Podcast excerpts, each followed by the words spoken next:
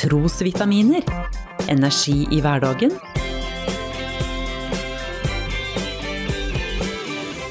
Ved Norea-pastor Svein Anton Hansen. Det er så hyggelig å få brev i posten, stort sett. Noen har sendt meg et brev. Et kort men koselig hilsen. Så fint at brevet ikke kom bort underveis på vei til min postkasse. Du kan være trygg på at noen brev kommer aldri bort.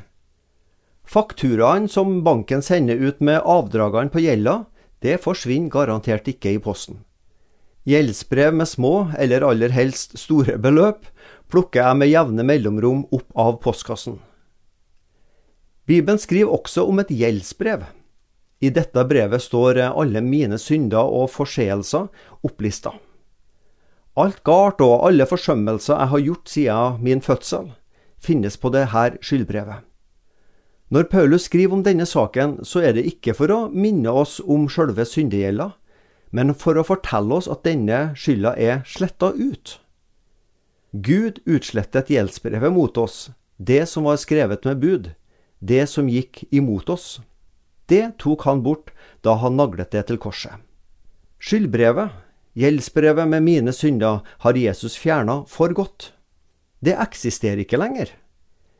Gud har ikke putta mine synder ned i en himmelsk arkivskuffe, eller arkivert dem i mappa på sin himmelske PC. Nei, for å være i dataspråket, så har han formatert harddisken som inneholdt mine synder. Og ikke noe antivirusprogram kan bringe synderegisteret tilbake. Da Jesus døde på korset, bar han syndene våre bort fra oss. Han sonet dem slik at de ble utsletta, og ikke lenger er mulig å se, sjøl for en allmektig og allvitende Gud. Gjelda jeg har på huset og bilen, må jeg nok fortsatt betale på, helt til siste krone. Den større og mer alvorlige gjelda trenger jeg på en side sett ikke bekymre meg for.